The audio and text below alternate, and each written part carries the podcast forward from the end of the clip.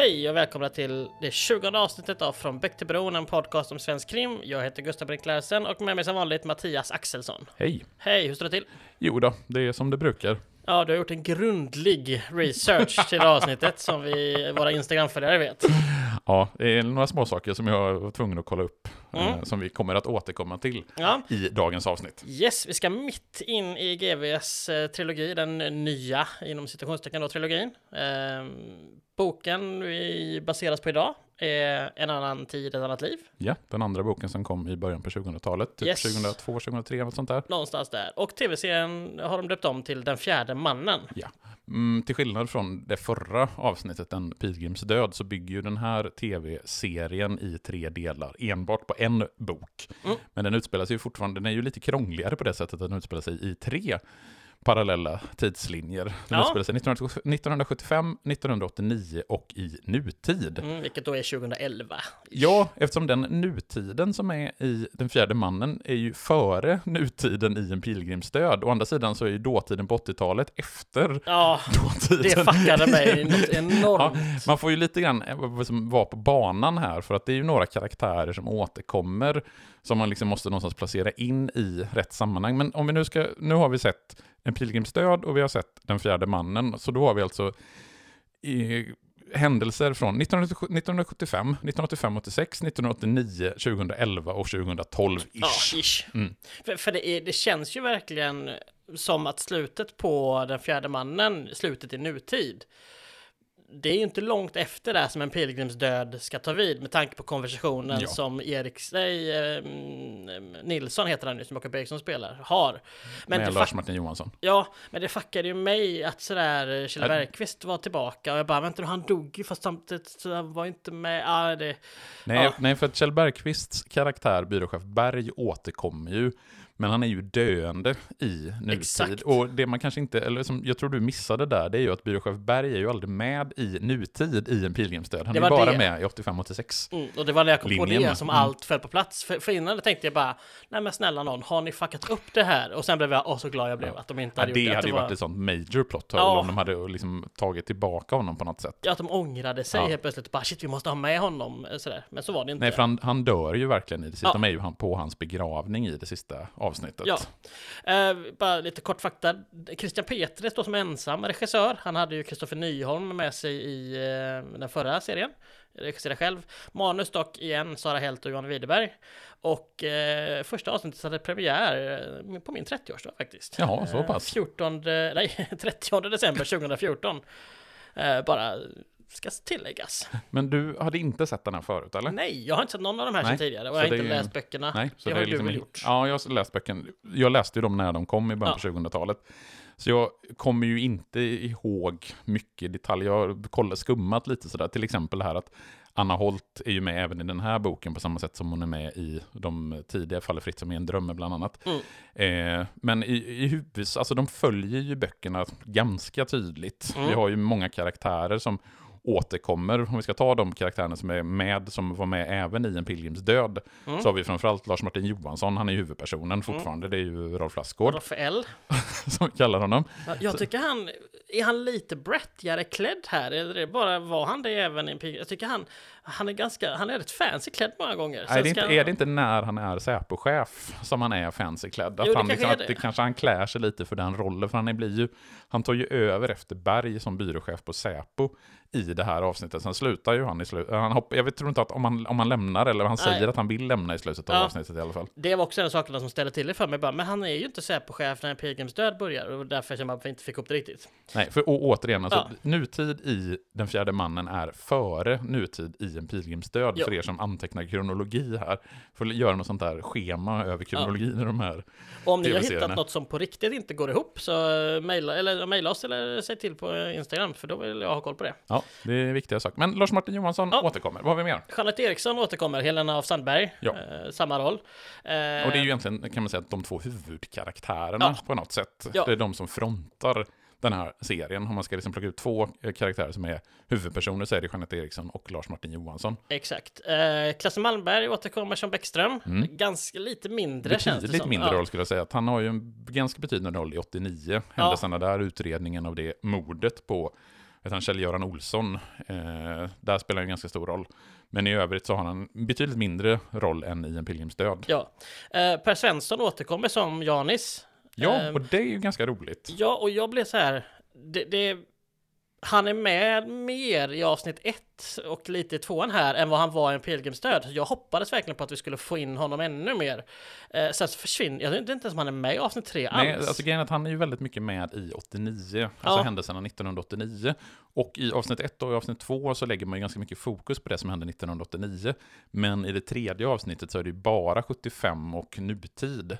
Ja. Vilket gör att då är ju Bosse Jarne, men jag tror inte heller att han är med. Han kan göra någon, någon, någon kort appearances ja, i, men det är inte mycket. i sista avsnittet, men jag kan inte minnas det. Jag såg ändå det faktiskt i morse, det Ja. tredje avsnittet. Jag kan inte minnas att Bosse Jarne bringar med i sista Nej, jag, avsnittet. jag tänkte på det. Som sagt, han kan göra någon liten, men jag tänkte, jag, jag tänkte på det. Åh, gött, han är med mer i avsnitt ett och sen så blev det inte så mycket mer. Ja, för det är ju ganska roligt Ja. för att han, eh, spel, han och Jeanette Eriksson får ju tillsammans med Bäckström och Vineblad Mm. uppgift, alltså de utreder ju mordet i första avsnittet. Och det är ganska roligt att se, tycker jag, Jarne, dels Janebring ihop med Eriksson, jag tycker de funkar väldigt bra, och framförallt Janebring versus Bäckström, Mm. alltså den kemin eller antagonismen kanske snarare mellan Bäckström och Janebring, alltså mellan Per Svensson och Claes Malmberg, jag tycker att den är oerhört välspelad och rolig. Mm, jag, jag går, nu, nu kan jag säga, jag har redan också sett Den döende detektiven. Mm.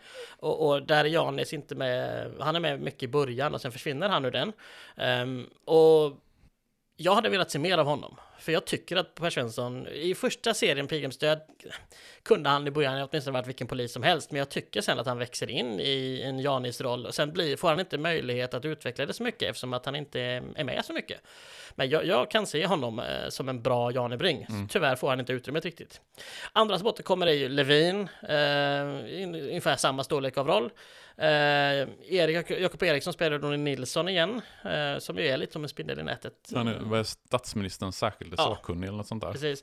Eh, Persson och Borg, eh, Persson och Berg är ju med också, ganska små. Också Valtin är ju med en cameo. Extremt liten. Ja, eh, det är han en scen. Ja, han är ju med att Jean- det är nä- det är nästan så att Jeanette Eriksson får en flash Ja, och ser honom på en restaurang i samband, ihop med någon annan blond, Ja. yngre blondin. Men han, han har ju liksom ingen, ingen betydelse egentligen mer Nej. än att väcka minnet hos Jeanette Eriksson. ja, och han är ju då med i 89, det vill säga innan han har tappat sig i nutid, men han fortfarande någonstans Ja, det är, fort, det är, bara tre, det är ju bara tre år efter händelserna i dåtid i En pilgrims död. Ja, och nu ska vi göra Kalle Lind glad och säga att han gör inte en cameo, han gör en cameo-roll som eh, Snedtänkt har pratat om Just en hel del. Ja. Eh, Vinblad återkommer som sagt då, Anders Johannesson. Ehm, och så eh, Lena B Eriksson som Hedin, alltså hemma hos eh, Lars Martin Johansson helt enkelt. Hans fru. Pia? Hon ja, ja, Lena B Eriksson är skådisen. Ja, Hedin, ja, ja. Hedin heter hon i efternamn, jag tog bara efternamnet. Sorry. Ja, hon blir lite, det blir lite comic relief-stunder med Mm. henne och, och Rolf Lassgård, kan man väl säga. Saknas däremot, gör ju en hyfsat viktig karaktär. Lisa Mattei. Ja, Lisa Mattei är ju utbytt mot Linda Martinez istället. Och Linda Martinez känner vi ju sedan tidigare från Anna Holt Mhm. 96 och 99. precis. Hon tog en paus i Vita Riddaren ju som Ja, sagt. det, ja, men det, och det, där, det här är ju jättekonstigt, att, Lisa, att de har plockat bort Lisa Mattei. Fast det är inte så konstigt. Ja, För hon var ju ny i En pilgrims död. just det, det har du rätt i. Det var också en av grejerna som störde mig det har, först. det har du rätt i, Ja. det har du rätt i, det tänkte jag inte på. Så Nej. det är klart att det är rimligt att de inte har med Lisa Mattei Ja, igen då. för, för hon är ju för ung för att vara med Ja. på 80-talet. Då Mm. var hon ett barn. Eh, men hon har ännu inte introducerats i gruppen eh, här då, för att hon är ny när Pilgrims död Mm. börjar. Hon är med i Den döda detektiven, spoiler alert. Ja. Men då är Eh. inte Linda Martinez med va? Nej, vill jag svara på det. Nej, och Ja, nej, det nej, men det är ju intressant här just med Linda Martinez som en gammal karaktär, ny skådespelare som bara är med i Den fjärde mannen. Hon är inte med i någon av de övriga två eh, nya GV. Eh, men att man liksom återanvänder en karaktär. Och det är lite märkligt för att man gör ju ingen som helst koppling mellan, mellan Linda Martinez i Den fjärde mannen och Linda Martinez i Anna Holt. Det skulle i princip kunna vara vem som helst. det är det, namnet det är namnet som är detsamma. Och liksom lite grann att det är samma typ av karaktär, men inte mycket. Nej, Man skulle lika gärna kunna kalla henne någonting helt annat. Så Ja. det är bara namnet som, som återkommer egentligen. ja. Hon spelas ju av Shima Niaravani och hon är med, hon växer in i det tycker jag. Hon blir med lite mer i sista avsnittet än vad hon är i de första två, tycker Mm. jag är min känsla. Och jag tycker hon gör det helt okej. Eh, övriga nya skådisar, det är tre egentligen som jag vill nämna och det är två som spelar samma karaktär. Det är Helena Bergström och Ida Engvall som spelar Stein Mm. i olika tider.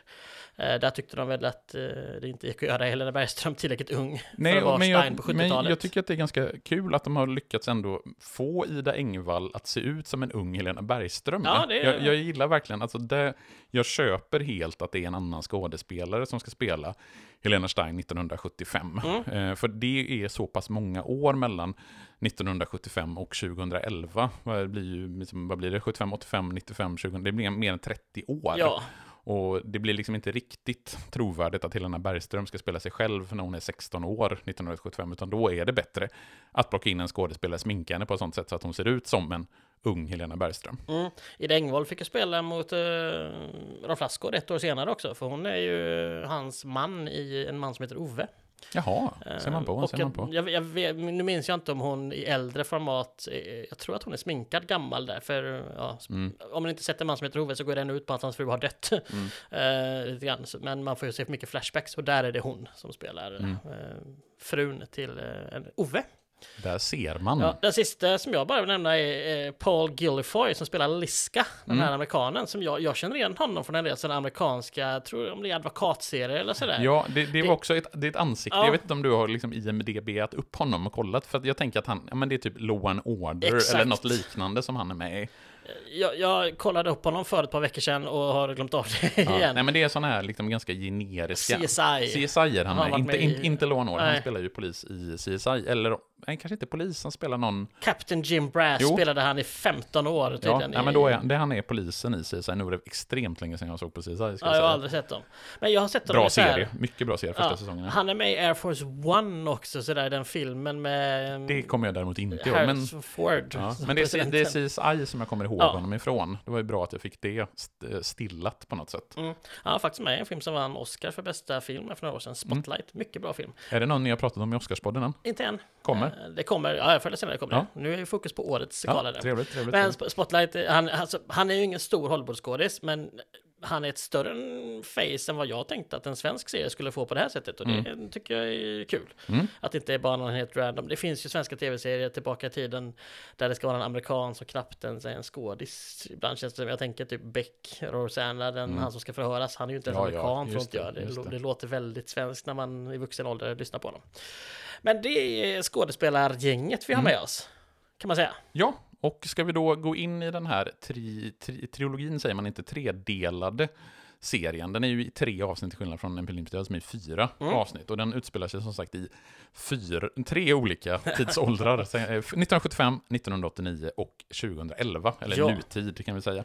Och det som hände, alltså det hände ju 75 är det som är grunden till alltihopa till utredningarna. Och vad Mm. är det som hände 1975? Ja, det är ju ockupationen av den västtyska ambassaden 1975. Och det är ju på samma sätt som Palmemordet är en verklig händelse som GV använde sig av i En pilgrims död, så är ju ambassadockupationen 1975 en verklig händelse som GV använde sig av som någonstans liksom grund, eller vad ska man säga, eh, utgångspunkten för hela den här boken och serien. Ja, och västtyska ambassadockupationen är väl lägg ut eh, nyhetstypet, ja, är det- väl därifrån. Lägg ut när de, det är ju Bosse Holmström som, Ja. ett- SVT sänder ju direkt ifrån ambassadockupationen. Och när de spränger på kvällen där, eh, jag kommer inte ihåg exakt vilket datum det är Nej. 1975, men då skriker ju Bosse Holmström lägg ut, lägg ut, lägg ut.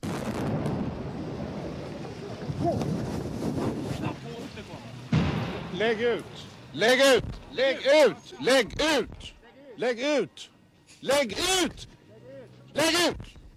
Ja, här är nu ambassadbyggnaden alldeles nyss hördes en våldsam detonation och det brinner fortfarande uppe runt i den amerikanska ambassaden vi ser där uppe. Och det brinner fortfarande. Och jag tror dock faktiskt inte att det gick ut live. Jag Nej. tror att man har fångat det i efterhand, Mm. det är jag rätt säker på. Men eh, folk minns det som att det gick ut live för att Ja. det är så känt nu. Och sen så kan man lätt blanda ihop, för att det finns något liknande klipp ifrån Norrmalmstorgsdramat som också är från 70-talet. Jag tror inte han Ah. skriker exakt lägg ut, lägg ut, men det är någonting liknande Ah, ja, därför ja. är det lätt att blanda ihop. Och det är Bosse Holmström båda gångerna. Det är Bosse Holmström båda gångerna. Men v- ockupationen av västtyska ambassaden, om man ska ta det väldigt kortfattat, det blir en grundlig genomgång av, Levin gör ju en pedagogisk genomgång i redan första avsnittet tror jag, Mm. av en pilgrims, eh, eller i eh, Den fjärde mannen. Men det som händer det är att det är ett gäng västtyska terrorister ifrån kommando Holger Mainz, som är en del av Rotarmee-fraktion, som är en västtyska... Snyggt uttal. Ja, jag är ganska nöjd med mitt Ja. ja. halvtaskiga tyska uttal eh, de var ju terrorister på 70-talet under det som man kallar för den tyska hösten, då man genomförde en rad terrorattentat. Och grunden till det, det var ju att man, liksom, dels den här vänsterradikalismen som fanns i Europa från 68 och framåt, men i Tyskland specifikt, för man ansåg att man liksom, föräldragenerationen inte hade gjort- upp med nazismen, och många tidigare ledande nazister inom SS och så, hade nått höga positioner inom näringsliv och liknande. Det var någonting som Ah.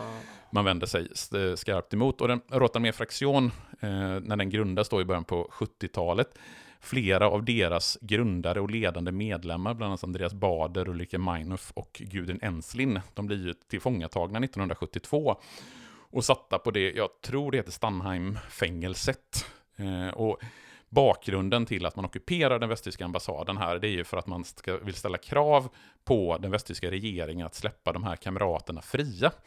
Eh, men den västtyska regeringen går ju inte med på det här.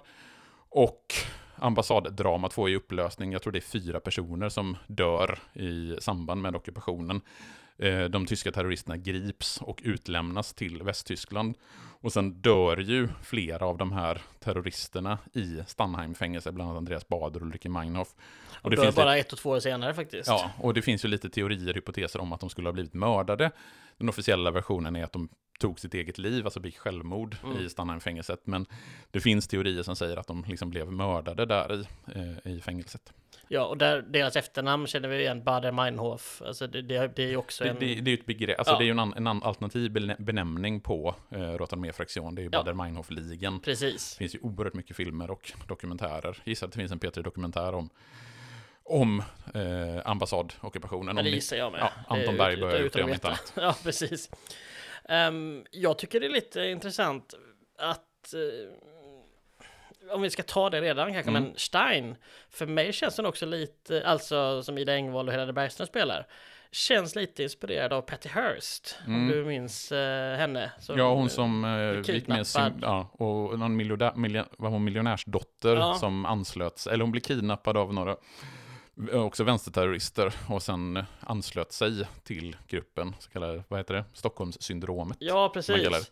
Och, och med tanke på den bilden som eh, ja, avslöjas i slutet av hela den här serien, där vi får se... mm, Ja, den bilden är ju väldigt lik den bilden på Betty. Hearst när hon står med, Ja. eh, med, eh, ja, nu vet jag inte vad det är för vapen, en Ja, men en AK4 i sig. AK4. Det, det, för mig är den för lik för att det ska vara en slump. Ja. Och historien när det pratas om att hon, hon anses väl inte kidnappad, men att hon har blivit influerad Stein och att hamna där hon hamnar av män som påverkar henne på Precis. negativa sätt. Men det som är själva huvudpoängen med att det här ambassaddramat, eller ockupationen av ambassaden 1975 är liksom den röda tråden, det är ju att det finns en eh, konspirationsteori, eller en hypotes om man nu vill, att tyskarna hade hjälp från svenskar. Mm. Att det var svenskar som hjälpte till. Och nu ska inte jag liksom svära på Bibeln huruvida den här, om det här är en konspirationsteori eller om det liksom är en reell hypotes. Nej. Det finns lite olika bud om det på nätet. När man, nu har inte jag liksom gjort någon grundlig research på det.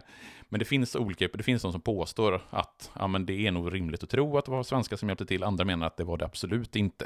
Det är Men- ingen svensk som är dömd eller någonting eller, eller några namn vad man vet som är liksom Alltså som att Christer Pettersson länge ansågs vara Palmemördare. Det finns ingen som är att och Per Persson var visst med fast vi kunde aldrig döma honom. Så Nej. finns det ju liksom inte. Men det som är liksom det bärande fundamentet i det här, det är ju att det är fyra svenskar som 1975 hjälpte de tyska terroristerna, då bland annat Helena Stein, som nu ska utnämnas till försvarsminister i regeringen 2011. Precis. Eh, och det här liksom riskerar ju då att komma fram och det mordet som sker 1989, där egentligen hela serien börjar. Vi börjar ju den, eh, vi börjar den 26 maj 1989. Det är ju Mm. då som mordet, jag tror de säger datumet i slutet, på första avsnittet. Och där hade vi min första hang Ja, det här datumet störde dig va? Ja, nej, det, det var en liten sån här detalj. För vilket program är det som eh, den här tanten sitter och tittar på Ja. när hon eh, hör bråk i lägenheten? Det är nygammalt med Bosse Larsson. Jaha, och 26 maj var fel dag. Ja, eller? det gick den 27 maj Ja, men vad fan. 1989. Ja, men det är ju sådana här små, små grejer. Ja. Att de, de har verkligen bemödat sig i att använda ett program som går alltså i, precis i anslutning till när det här, men de lägger ett datum fel. Istället för den 26 maj så gick programmet den 27 maj. Mm. Eh, men det, det är i alla fall nygammalt med Bosse Larsson som den här tanten sitter och tittar på när hon hör bråk från lägenheten bredvid. Okej. Ja, för, för det är ju så det börjar. Och vi får ju inte se där och då vad som händer i bråket. Men det är ju någonstans, det är det som blir... Ja, det är det som sätter igång hela skiten kan man säga. Och det är ju egentligen det som hela tidslinjen 1989 handlar om. Det är ju mordet på Kjell-Göran Olsson. Det är ju han som blir mördad i den här, led, eh, i den här lägenheten bredvid. Mm. Och dit kommer, eh, det blir, det blir Bosse Janebring, det blir Jeanette Eriksson, det blir Evert Bäckström och det blir Vinblad som blir någon form av utredningsgrupp för det här mordet. Ja, och nu är vi alltså då 1989, kanske vi ska säga bara för att vara tydliga här eftersom att det hoppas en del. Det är 1989 som det här mordet sker, 14 år efter 1975. Än så länge här i serien vet vi inte att uh, Olsson har varit involverad i sakerna, det, det kommer ju fram efterhand. Mm. Men, men uh, ja, det, det, är där vi, det är där vi är tidigt. Men om vi ska ta det som, om vi tänker, vi ska inte ta det scen för scen, utan Nej. om vi tar det liksom, vad händer i första avsnittet under 1989? Så är det ju egentligen att den här utredningen om mordet tuffar på. Mm. Evert Bäckström, han har ju givit sin, givit sin teori. Vad, vem, vad tror han att det handlar om? Jag tror att det är ett uh, så här rånbögmord eller, så här, men, eller bara bög, Bara ett, bögmord. bö- ett klassiskt bögmord. Ja, Och han får ju där stöd från någon oerhört märklig rättsläkare. ja, vad är det för jävla typ, undrar man ju. nej men det, ja, det... Pratar inte han om att så här, det var en ovanligt stor mördare och, och det ena med det, alltså han, han säger så konstiga Ja. saker den här rättsläkaren bara. Nej, för det är ju så tydligt så att i den här utredningsgruppen så har vi ju Bäckström och Vinblad på ena sidan. De, liksom, de har sin hypotes klart för det, men det är ett bögmord. Och de söker sig till den här konstiga rättsläkaren för att få stöd för sin hypotes. Medan då Jeanette Eriksson och Bosse Janebring, de vill göra en ordentlig utredning och liksom gå till botten och se vad det handlar om. Mm. Och det finns ju också en alternativ eh, rättsläkare, hon som tar emot Vinblad Exakt. från början Ja, och som inte eh, bekräftar den hypotesen att han alltså, skulle vara homosexuell överhuvudtaget. nej, Winblad får ju, gå får ju gå vidare till en annan rättsläkare för att få det han vill. Liksom. Och, och Evert Bäckström samtidigt här, han snor ju saker från, eh, från hushållet. Alltså han snor ju lite sprit så står det något skåp och han snor ju Ja, men det är väl lika bra. Kom, Ja. Den kommer inte komma till någon användning ändå, tänker jag. Jag är inte så. Jag tycker inte vi ska hacka på Bäckström för att han liksom plockar lite ädla drycker från Kjell-Göran Olssons eh, förråd. Ja, nej, precis. Det, ja. Han behöver vi säga någonting mer om Kjell-Göran Olsson. Han var byrådirektör. På Eh, Statistiska centralbyrån. Ja, det, är något, för mig, det är något roligt med det och jag vet inte vad. Jag har inte kommit fram till varför just Statistiska centralbyrån är roligt i det här läget. Men jag, jag återkommer om jag kommer på det. Om du kommer på det. Ja, det bara, jag blev bara lite så här full i skratt när han var just på sin statistik. Jag tror det är någonting med statistik. Att Ja, det är lite- jag, jag ser en liten Ja, räknenisse det, och framför det, mig. det är lite torrt att vara byråchef på, eller byrådirektör på Statistiska centralbyrån. Ja. Också. Det är någonting väldigt torrt och tråkigt. Ja, och genom serien får vi reda på att han är inte så populär. Nej, han är ju en, han beskrivs väl först när, eh, det är väl Eriksson och Janebring som pratar med hans kollegor på Statistiska centralbyrån. Och de första som man, de pratar med är ju ganska neutrala i beskrivningen, men sen så kommer det ju fram mer och mer att den här Kjell-Göran Olsson är en riktigt jävla svin, en ond människa tror jag Mm. till och med att en av hans kollegor beskriver honom som. Ja, och även Stein sen om vi hoppar till slutet säger ju att eh, det är nog den enda riktigt, jag minns inte exakt citatet nu, men det är den enda genuint onda människa hon någonsin har träffat. Ehm, något sånt. Men exakt vad han gör som är så ont. Nej, det vet vi inte. Nej. Det får vi väl egentligen aldrig reda på under C, förutom det här att han utpressar eh, Ja. Stein och liknande. Men, men det, och det är nästan, det, för mig är det nästan bara bra. Jag vill inte ha fler exempel för att det, det blir nästan Nej, men på något Då- sätt, det är, ju- det är ju någonting som, jag kommer, det finns ett begrepp för det här, just när en tv-serie eller en film presenterar för mycket Mm. information, alltså när man berättar för mycket för att man liksom underskattar tittaren. Jag läste ett bra exempel av det, det var en kompis på Facebook som la ut, han hade sett Eh, jag tror att, nu kommer det är någon av de här streamingtjänsterna som har en ny säsong av Irene Huss, eh, Okej. när hon spelar ung polis, eh, alltså patrullerande polis här i Göteborg. Och då är det en kollega som säger till henne, ja ah, det har varit ett brott i Frölunda Torg, det här stora köpcentret strax utanför Göteborg. Så skulle ju aldrig en polis i Göteborg säga. Nej, det är liksom att precis. skriva tittarna på näsan, alltså de ni, de vet inte vad Frölunda Torg är, vi måste alltså förklara Ja, för tittarna vad Frölunda Torg är, men det blir så fånigt. ja och medan då en tittare som är från någon annanstans i Göteborg som inte vet vad Frölunda torg är, de märker ju Exakt, a- antingen spelar det exakt. ingen roll vad Frölunda torg är, eller så märker de det när de åker dit till Frölunda torg för att utreda det här mordet eller vad det nu var du sa hade hänt. Ja. Men ja, nej, det är det. det, det och det är lite så här, det finns ju andra sådana. Det, är, om man, en Star Wars-referens, det pratas om att eh, Han Solo har, har klarat vad The Parcel, eller någon, någon, The, the, the run in, eh, vad fan är det? Jag såg ju den häromdagen. Ja, skitsamma. Ja, skitsamma. Han, han har klarat en speciell sträcka på en tid som ingen tycker är möjligt. Och, och, och det är bara så här, det sätter hans karaktär Mm. i grunden. Och sen gjorde de den här Star Wars-filmen Solo för några år sedan, där de vill visa det och bara, nej men nej, Nej. Det, vi ska inte se det. Och det, och, det samma, och, det är sam, och det är samma sak i, alltså även där i första Star Wars-filmen när det refereras till The Clone Wars. Vi måste inte veta vad. Nej. The Clone Wars är för någonting. Det räcker med att vi, vi förstår liksom själva konceptet. Ja. Man behöver liksom inte spoila allting. Man måste inte skriva oss tittare på näsan Exakt. hela tiden. Och det är det jag tycker de gör bra här, för Mm. om vi, när vi tagit några dåliga exempel. Så att här bara, vi behöver inte veta vad är det som gör Olsson så ond. Vi vet ett exempel. Och det, eller så här, vi vet inte knappt ens ett exempel. Vi vet två personer som säger det. Ja, och det, och det räcker för oss att veta Eh. Ja. det. Men det som Janebring och Eriksson sen gör, jag vet inte om det är före eller efter de varit på SCB, men de gör ju en grundlig genomsökning av Olssons lägenhet. Mm. Och då säger Janis att vi ska hitta allt. Alltså finns det någonting så ska vi hitta det. Det här kommer ta tid. Men när han lyfter fram spisen, är det väl, eh, för bakom spisen så sitter det ju ett foto. Och det får vi inte reda på förrän i sista avsnittet vad som är på det fotot. Nej, ehm, det är väl, är det Eriksson som lyfter fram spisen och Jani som ropar till den? Jag tror- eller jag är det tvärtom? Jag tror, jag tror det är Janis som lyfter på spisen och Eriksson som och Eriksson hittar ju någonting och sen så blir Janis hungrig Så och så går vara. de och käkar Ja. och så missar han det här fotot på baksidan av spisen. Ja, Jag tror att, att Eriksson har hittat, nu kan jag blanda ihop exakt när hon hittar, men Eriksson har ju hittat ett foto Mm. på de fyras gäng. Det står ju en, eh, jag tror det står på fotot de fyras gäng. baksidan, precis. Eh, och det här är också lite intressant att det fyras gäng, att det skulle då vara en referens till Arthur Conan Doyle.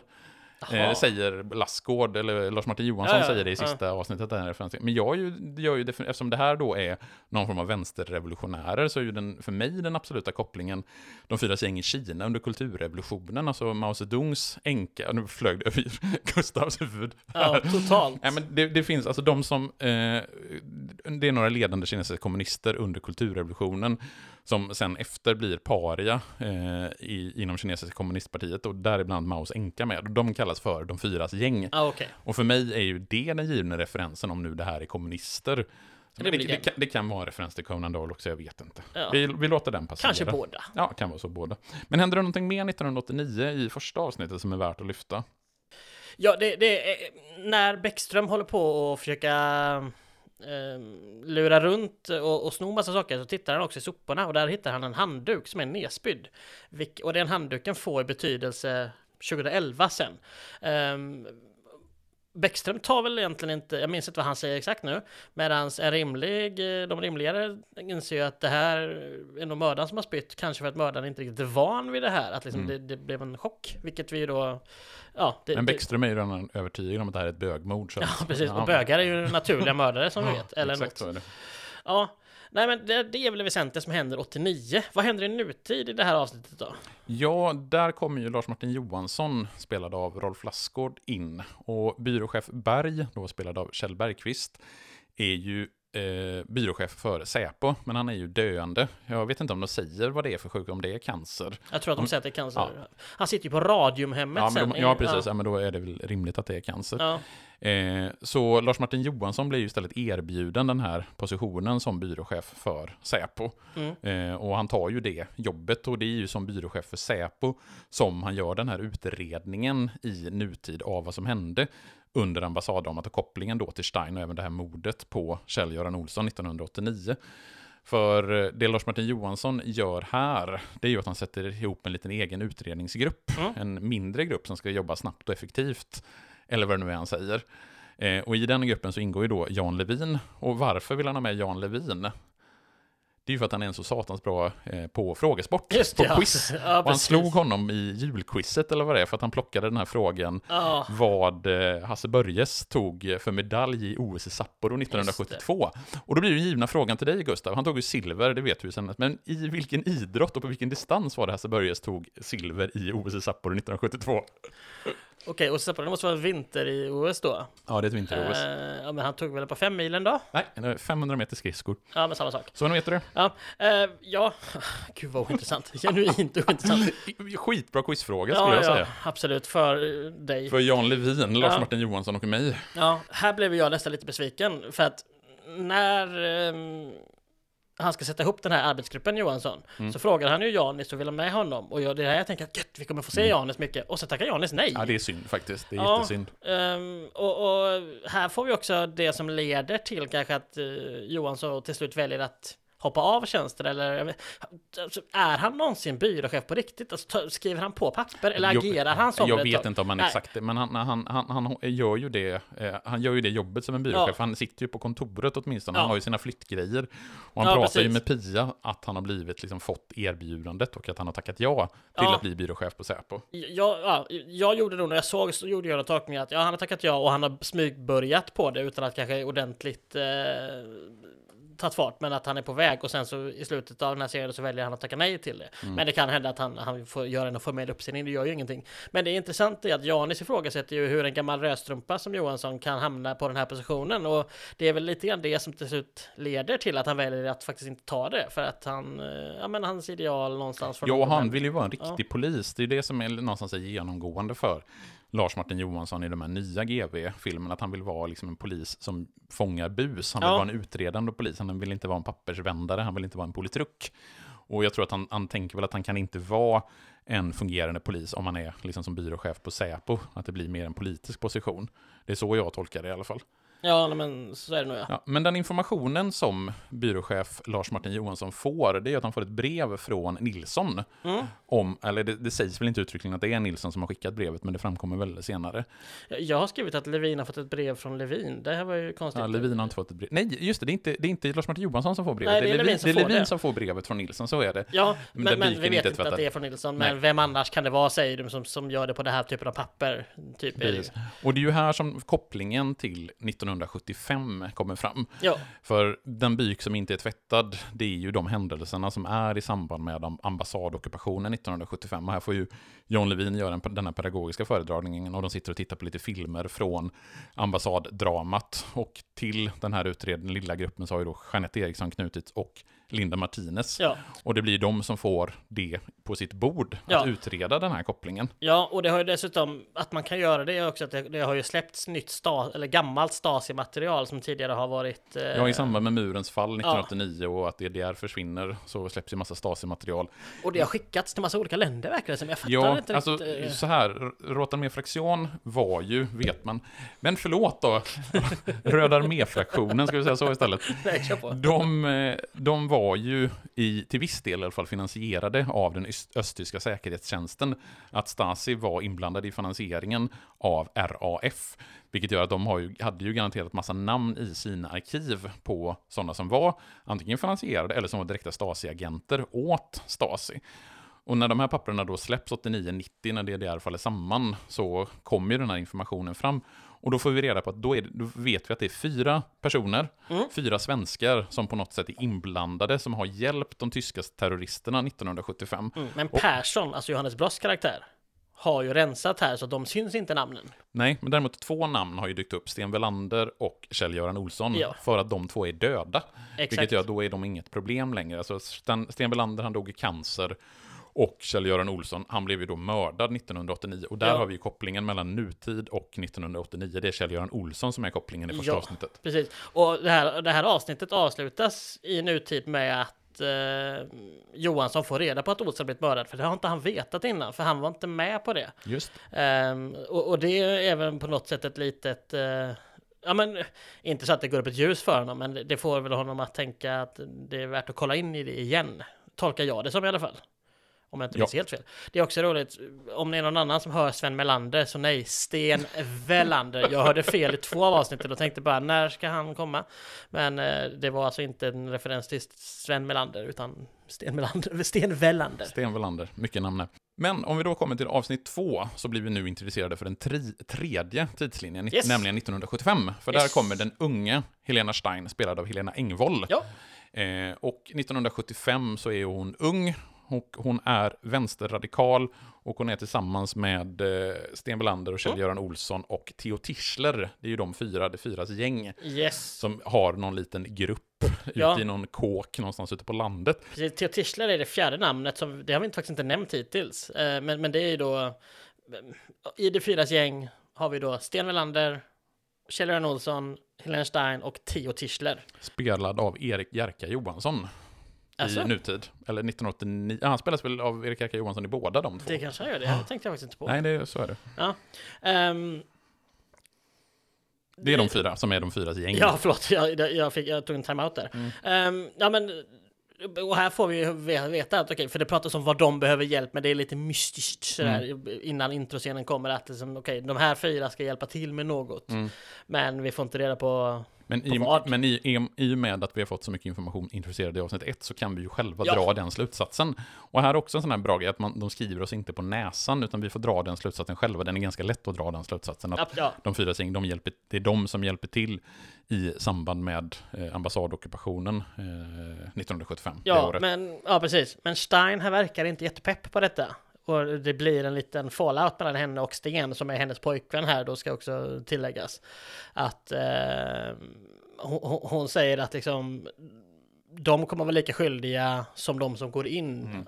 eh, även om de själva inte går in med, med tanke på vad de då ska hjälpa till med. Mm. Vilket ju är vapen och grejer, får vi reda på senare. Mm. Så att de, ja, det skulle ju verkligen vara någon form av, jag vet inte vad det brottet heter, men medhjälp till eh, terrorism, typ. Och det antar jag är ganska rejäl bestraffning på. Eh, Men känns det, men det är egentligen, alltså det är ju den, liksom, det, är det viktiga som händer 1975. Det är att Ja. vi liksom introduceras till den unga Helena Stein, inte Helena Stein, vad heter hon? Heter hon Helena Stein? Ja, Helene Stein. Helena Stein. Ja. Vi introduceras till den unga Helena Stein och vi får liksom en information om vad de fyra gäng och vilka de är och vad det är de faktiskt har hjälpt till med i samband med ambassadockupationen 1975. Mm. Eh, för för det, det som hände mer 1975 det är ju att det kommer en bra stund senare. Då, då liksom har Stein bett om ursäkt till eh, Sven Welander. För att, ja, för, antagligen då för att hon tvekade förut och sa emot honom i Sten, princip. Sten Welander heter han väl ändå, inte Sven? Nu sa du Sven. Så jag Sten, ah, fuck. Ah. mycket, mycket där. Jag ska kalla honom Velander Ja. enbart, det känns rimligare. Ehm, men men och så här, det är verkligen ett, eh, det, det, det, det, det, det är inget bra förhållande ur Steins synvinkel. Liksom, han kallar henne för en liten borgarunge som så fort det bränner till springer hem till pappa och sådär liksom. Ehm, och så här, jag förstår du hur det känns när du sviker mig så. Det är typiskt liksom härskar att Mm. trycka ner henne och sätta henne på sin plats. Mm. Eh, men O- Olsson får höra när de sen lägger dem i sig, vilket han inte verkar jättenöjd med. Så frågan är, skulle det finnas... Vi får inte reda på något mer om det, om det är så att Olsson egentligen är intresserad av Stein också. Det, ja. Och sen så får vi ju i nutid reda på en sak som hände 1975, just att, de, att eh, Welander och Stein eh, sitter i en bil. Det är väl så de gör kopplingen, att de får ihop att det är Stein som är den fjärde mannen.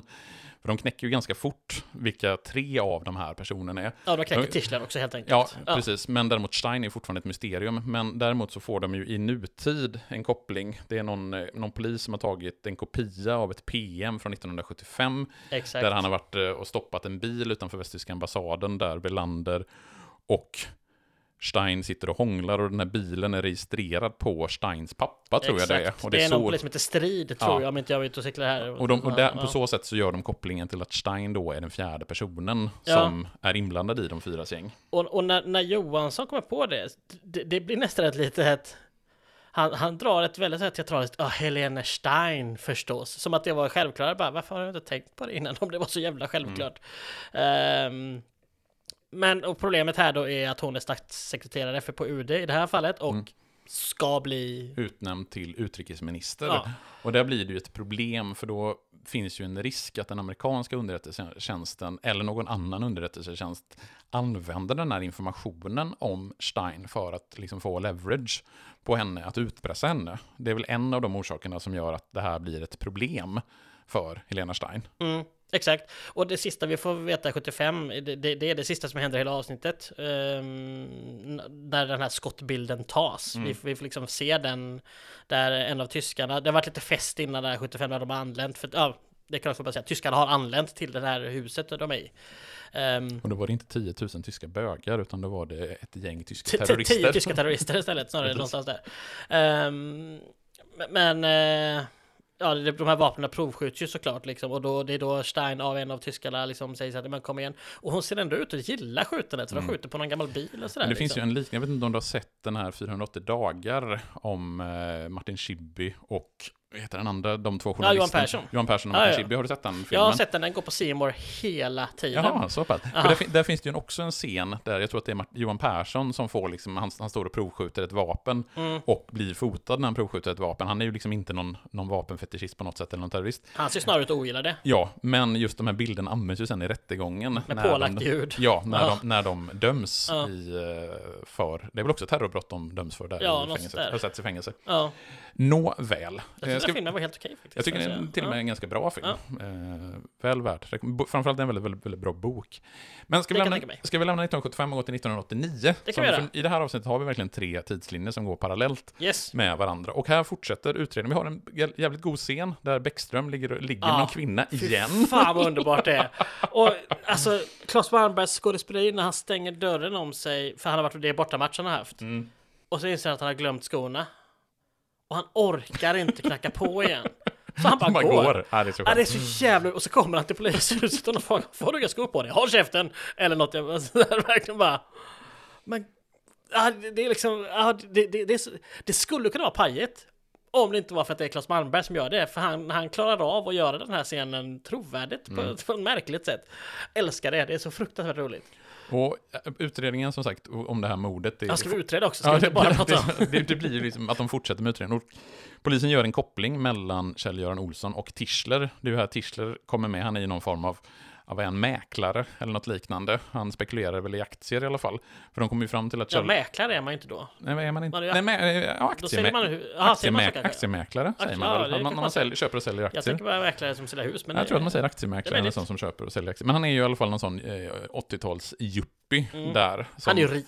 Han är rik och han har gjort, gjort aktieaffärer ihop med Kjell-Göran Olsson. Mm. Och det är väl Bäckström som förhör honom och eh, Tischler spelar ju med i det här skådespeleriet att, och liksom bekräftar Bäckströms bild av att, ja, men han, att eh, Kjell-Göran Olsson förmodligen var bög och att det här är ett bögmord. Men sen så ringer han väl, det är väl Belander han ringer och säger att den här galningen, den här polisen, han är ju helt ute på fel spår, men jag spelade med så att jag, eh, jag låter honom tro att det är ett bögmord för då håller liksom då är vi borta ur bilden i alla fall. Mm. För det finns ju någon, ty, alltså någon koppling här att även Tischler är inblandad i mordet på Kjell-Göran Olsson.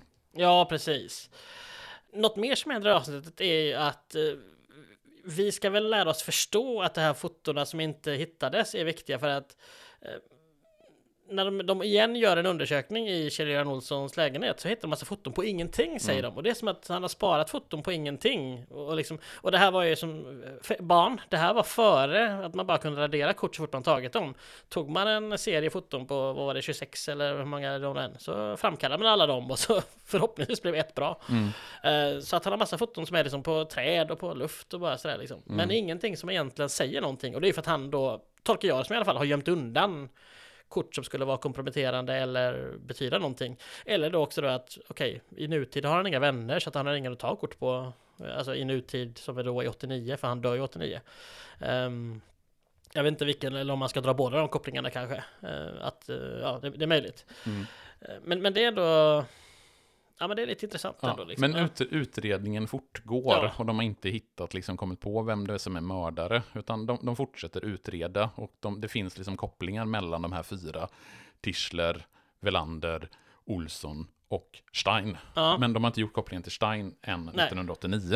Eh, men, då, men nej, precis. Fast till slut så hittar de ju en bild, den här, den här bilden även då väl? Eller är det, bara i nutid? De fyras gäng. Ja, Ja, de, jo, nej, det är 1989 de hittar bilden. Ja. Eh, Men jag vet inte om de har gjort kopplingen riktigt än att det är Stein som är på bilden. nej För precis. den, det, det kommer ju Eriksson på sen i sista det, är det. avsnittet att eh, det är Stein som är på bilden. Ja, Eh, utan det är ju sen först i nutid som man kommer, och det är ju här i andra avsnittet, som, om vi ska hoppa till nutidstidslinjen, som vi får den informationen om att Stein eventuellt ska bli försvarsminister och att det här blir problematiskt. ja, jag minns att jag störde mig där. Alltså, det kan inte vara så enkelt att det är hon som är den fjärde mannen. Jag Mm. minns att jag tyckte att det var lite för... för enkelt. Ja, precis. Så, Men, men sen när det väl blev, jag tycker ändå att de hittar en väg dit Mm. som, som gör det okej. Men ja, Ja. Men i nutid så har ju i alla fall Johannes Brosts karaktär, Persson han heter va? Ja.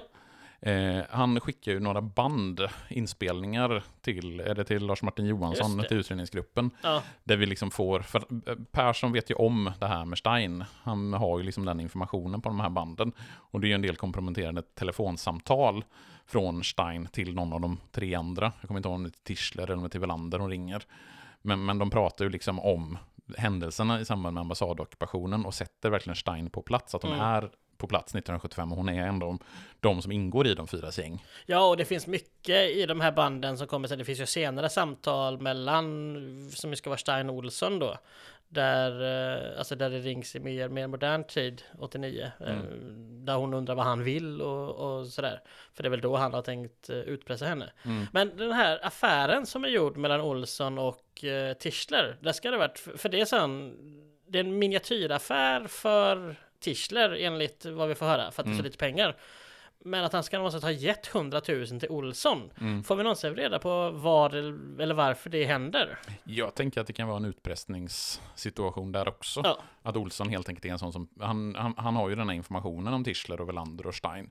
Och att han använder sin information till att utpressa de Mm. andra helt enkelt. Men får, det får vi inte heller skriva ut på näsan. jag tror inte det i Det, alla fall. den här, jag, jag säger att, eller jag hävdar att den enda logiska förklaringen är den du precis Mm. sa, men det är också här, ja vi kan, det skulle kunna vara något annat, Mm. men vi, så som serien presenterar det så får vi tolka det så, men Mm. på ett bra sätt skriver den oss inte på näsan där heller. Nej. Har vi något mer från avsnitt två som är värt att förtälja våran lyssnarskara? Nej, men Johansson äter ju middag med nå- någon överste som, säger, som har varit involverad i hur informationen har kommit fram här. Ehm, och, och, Ja, det är väl Sten Ljunggren som spelar översten, så heter det. det var, Som ju spelar statsministern i Den vita riddaren. ja. Icke att förglömma. Ja, gud, han har gått ner sig då. På, ja, ja, eller? Ja. till, ja, överste kanske är bra. Ehm, nej, men, Nej, statsministern är ju inte Den vita riddaren. Han är ju rikspolischef för Den vita ja, riddaren, precis. menar jag. Förlåt. Statsministern är ju Klas Ljungmark. Ja. Det var Ljung som fuckade upp det. Kan varit det. Nej men Johansson ser här lite orolig ut för att så här, det pratas om vilka som nämns där och Johansson inser att hans namn kan ju nämnas Mm. och hur det skulle störa hans potential. För det är därför jag tänker att det inte är påskrivet än att Johansson skulle faktiskt kunna bli petad som Säpochef. För att han finns med i något Stasi-arkiv. Ja. Det här, den här översten är det som leder oss in på Michael Liska för han vill inte säga vem som gett informationen men, men eh, ja ehm, han, han ger egentligen all information att ja, men det är en ungrare som har flytt till Sverige och sen till USA och då är det Michael Liska, alltså Paul Gilfoy. eh, Som lämpligt nog befinner sig i Stockholm. Mm. Ehm, och pratar med någon, eh, någon polis och sådär. Ehm, och att Ja, och att det här då, här kommer egentligen PMet till den här bilgrejen liksom. Men, men det är egentligen det som händer i nutid mer vad jag kan... Mm. Eh, Ska vi gå till den dramatiska upplösningen i det sista avsnittet? För det är nu alla bitar kommer att falla på plats. ja, men det tycker jag.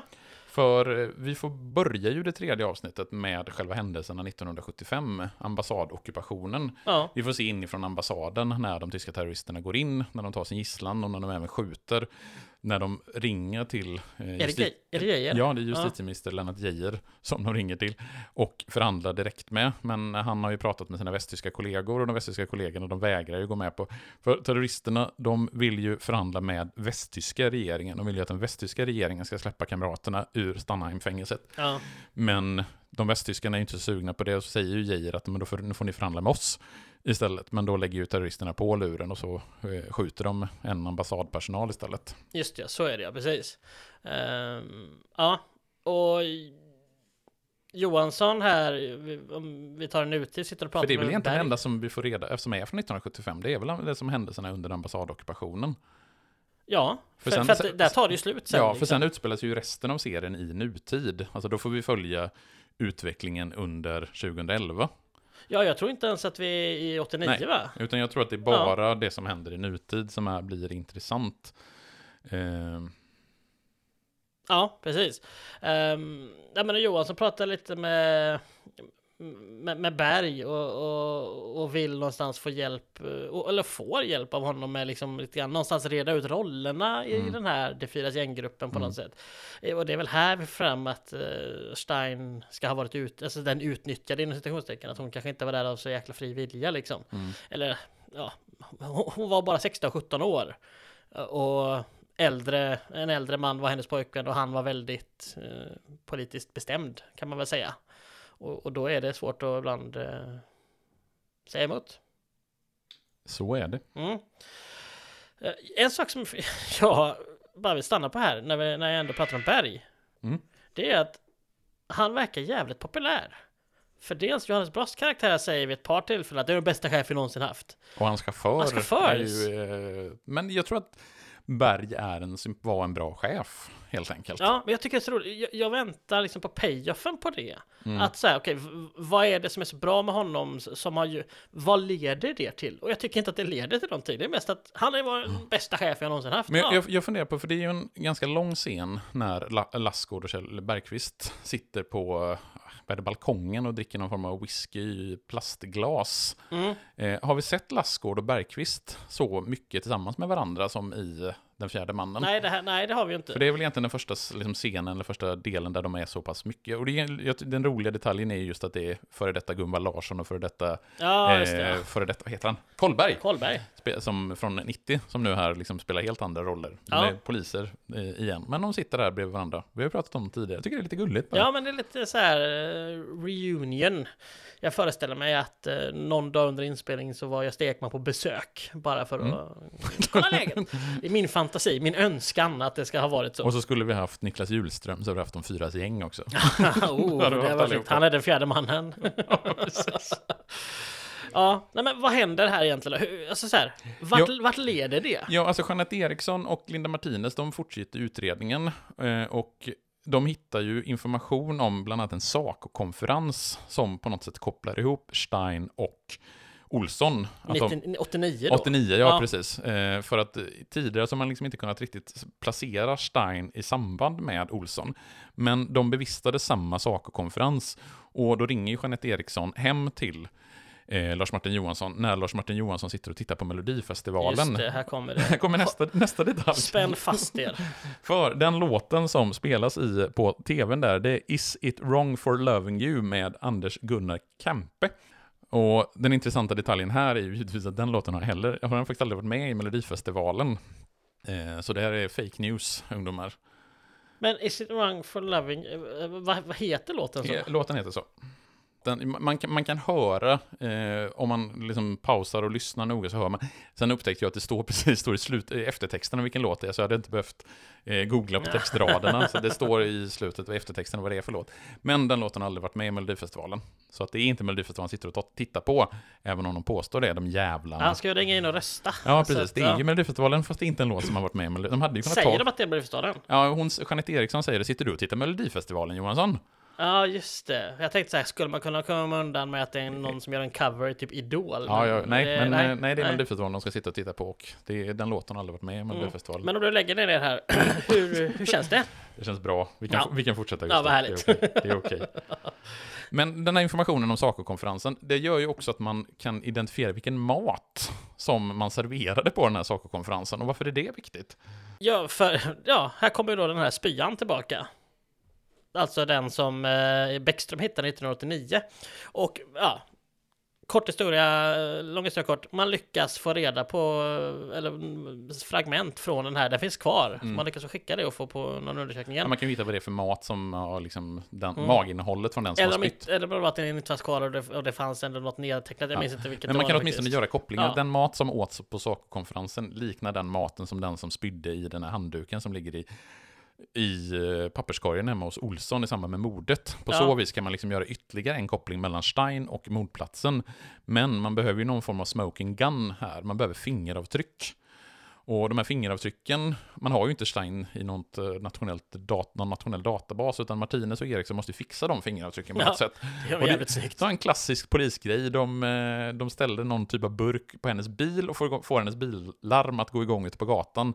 Så när Stein kommer ut och stänger av billarmet, tar burken, slänger burken i papperskorg, då kan Martinez och Eriksson plocka upp den burken och så har de Steins fingeravtryck och kan jämföra. Ja, det är jävligt Ja. polisskillat på något sätt. Och i och med att de har fingeravtrycken så kan de ju också placera Stein i lägenheten, i Ja. Olssons lägenhet, för de har Steins fingeravtryck finns alltså i Olssons lägenhet. Ja, Så då och ska de, allt det här sker före förhöret väl? ja, de behöver ju ha den informationen innan, för nu säger ju, ja men då, då tar vi in henne på förhör, eller vi går och förhör henne. Mm, För, och nekar hon så plockar vi in henne. precis. Men där gör ju Stein, precis i slutet då, hon förnekar ju att hon haft någon koppling till Olsson. Hon spelar ner relationen Ja. väldigt mycket, väldigt länge.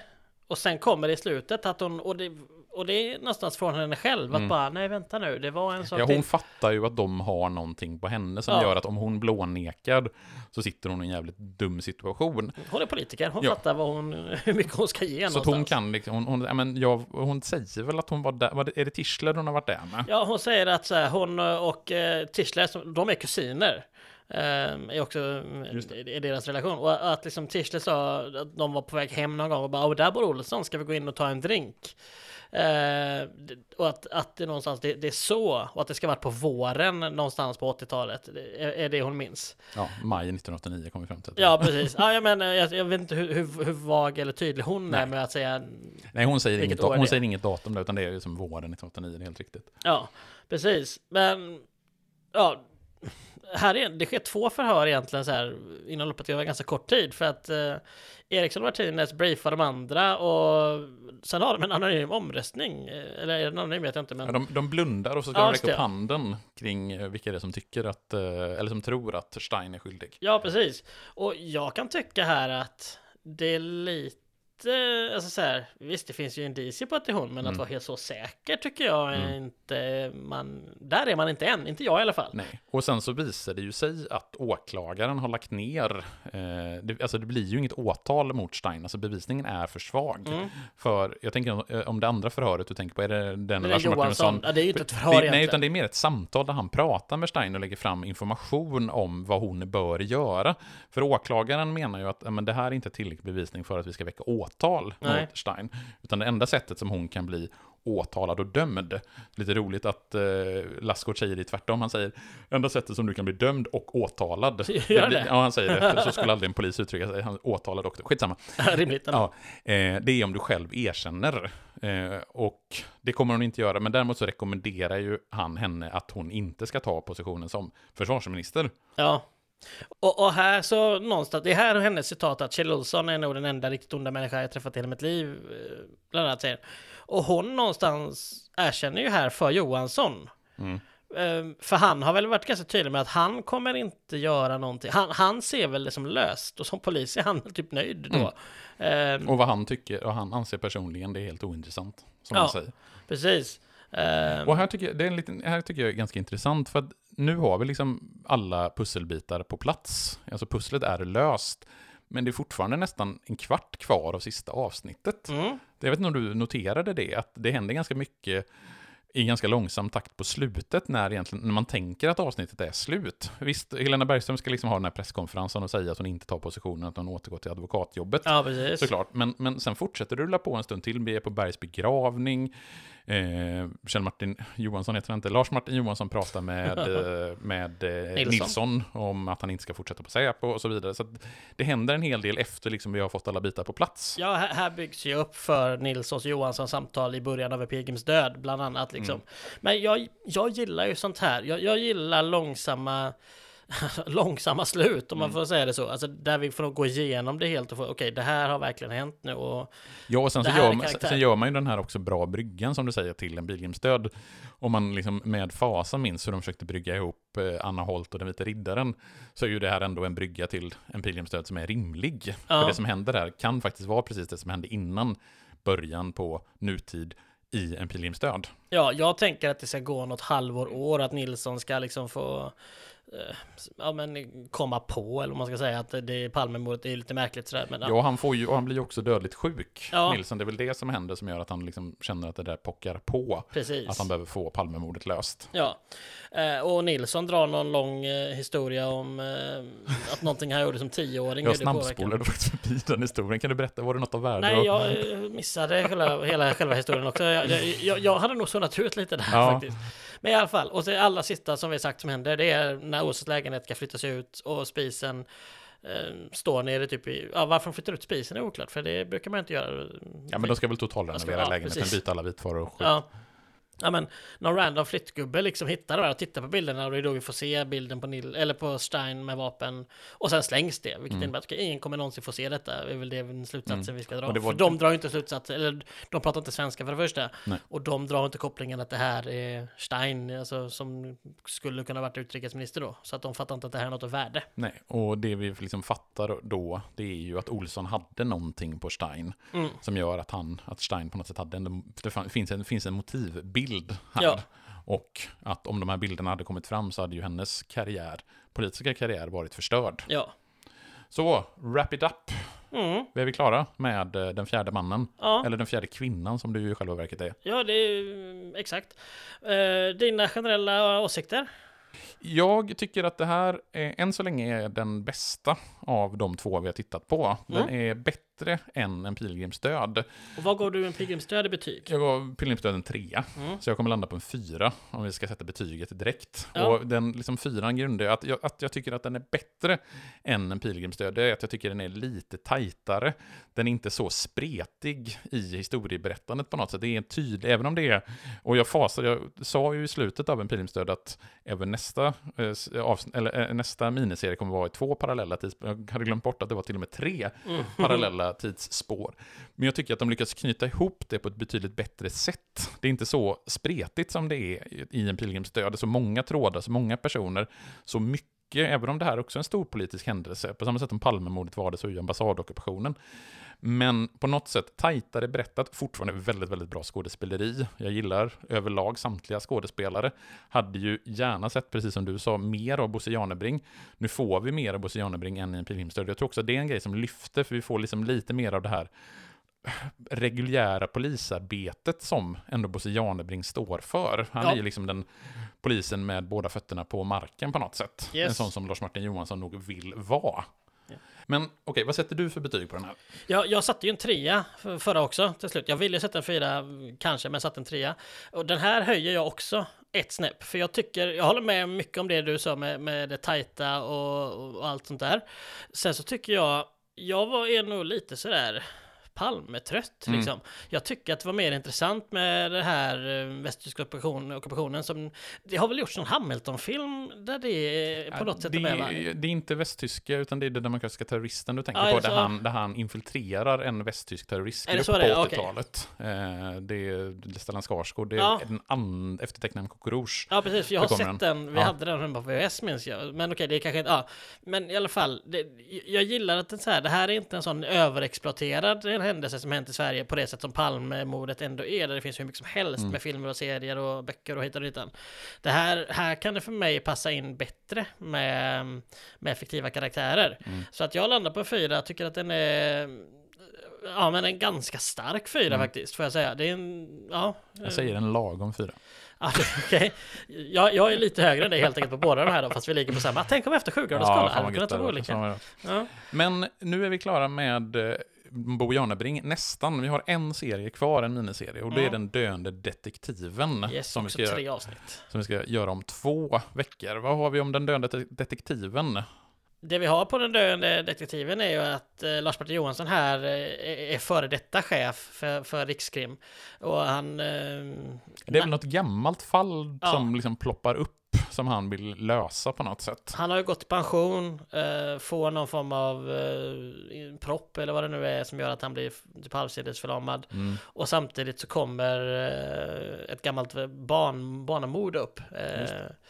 En ung eh, flicka som heter Jasmin Ermegan Mm. som har blivit mördad någon gång 30 år före det som är nutid någon gång på 80-talet. Mm. Och, och det ska nystas i det fallet helt enkelt. Ja, det ska bli väldigt spännande att ta sig an den här sista Bosse Janebring-filmen, eller serien. Ja, En liten detalj bara om den fjärde mannen som jag glömde bort att, nämna. Bäckström pratar ju med en journalist i första avsnittet. det är roligt. Eh, Ja, det är en rolig sak. Det är så synd att de inte planterat att det skulle vara Wenström. Ja. Eh, De borde på något sätt kallat honom för Per eller Pelle eller Wenström på något sätt, så att vi hade fått in Per Wenström även här. Jag tycker det är synd att de missar den. Eh, Ja. Det, det är liksom som straffsparksläge Det att roligt. göra den slim, slemmiga journalisten till Per Wenström. Men det gör de inte, så Nej. det är inte Per Wenström, tyvärr. Ja. Inte vad vi vet i alla fall. Ja, då är vi klara för idag. Ni når oss på eh, frambäcktillbron gmail.com. Vi finns också på Facebook och Instagram för eh, andra typer av saker. Ehm, ja, och så hörs vi igen om två veckor. Det gör vi. Hej då!